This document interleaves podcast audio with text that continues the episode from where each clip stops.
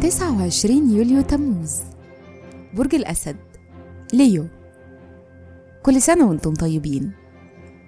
الصفات العامة للبرج الرفيع المشرف الطفل المبدع الفنان والمحب. الكوكب الحاكم الشمس. العنصر النار. الطالع في يوم ميلادكم. رحلة الحياة. بعد سن 24 سنة بتميلوا إنكم تبقوا أقل سيطرة علشان تفكيركم بيبتدي يكون عملي أكتر.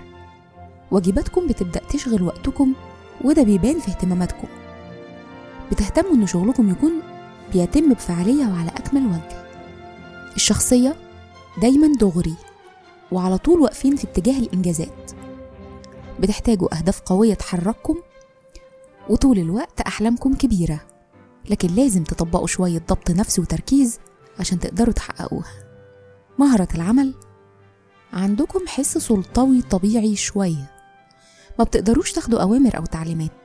عشان كده بيفضل إنكم تشتغلوا في مشاريعكم الخاصة. ممكن تنجحوا في مجال السياسة أو الأعمال الخيرية أو مجال التغييرات الاجتماعية. تأثير رقم يوم الميلاد يوم 29 تأثيره عليكم إنكم أصحاب شخصيات قوية حساسين عاطفيين وطول الوقت بتحتاجوا تلاقوا شيء ملهم عشان تقدروا تنجحوا.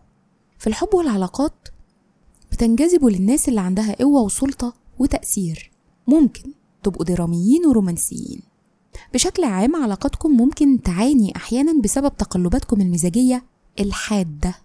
بيشارككم في عيد ميلادكم موسوليني.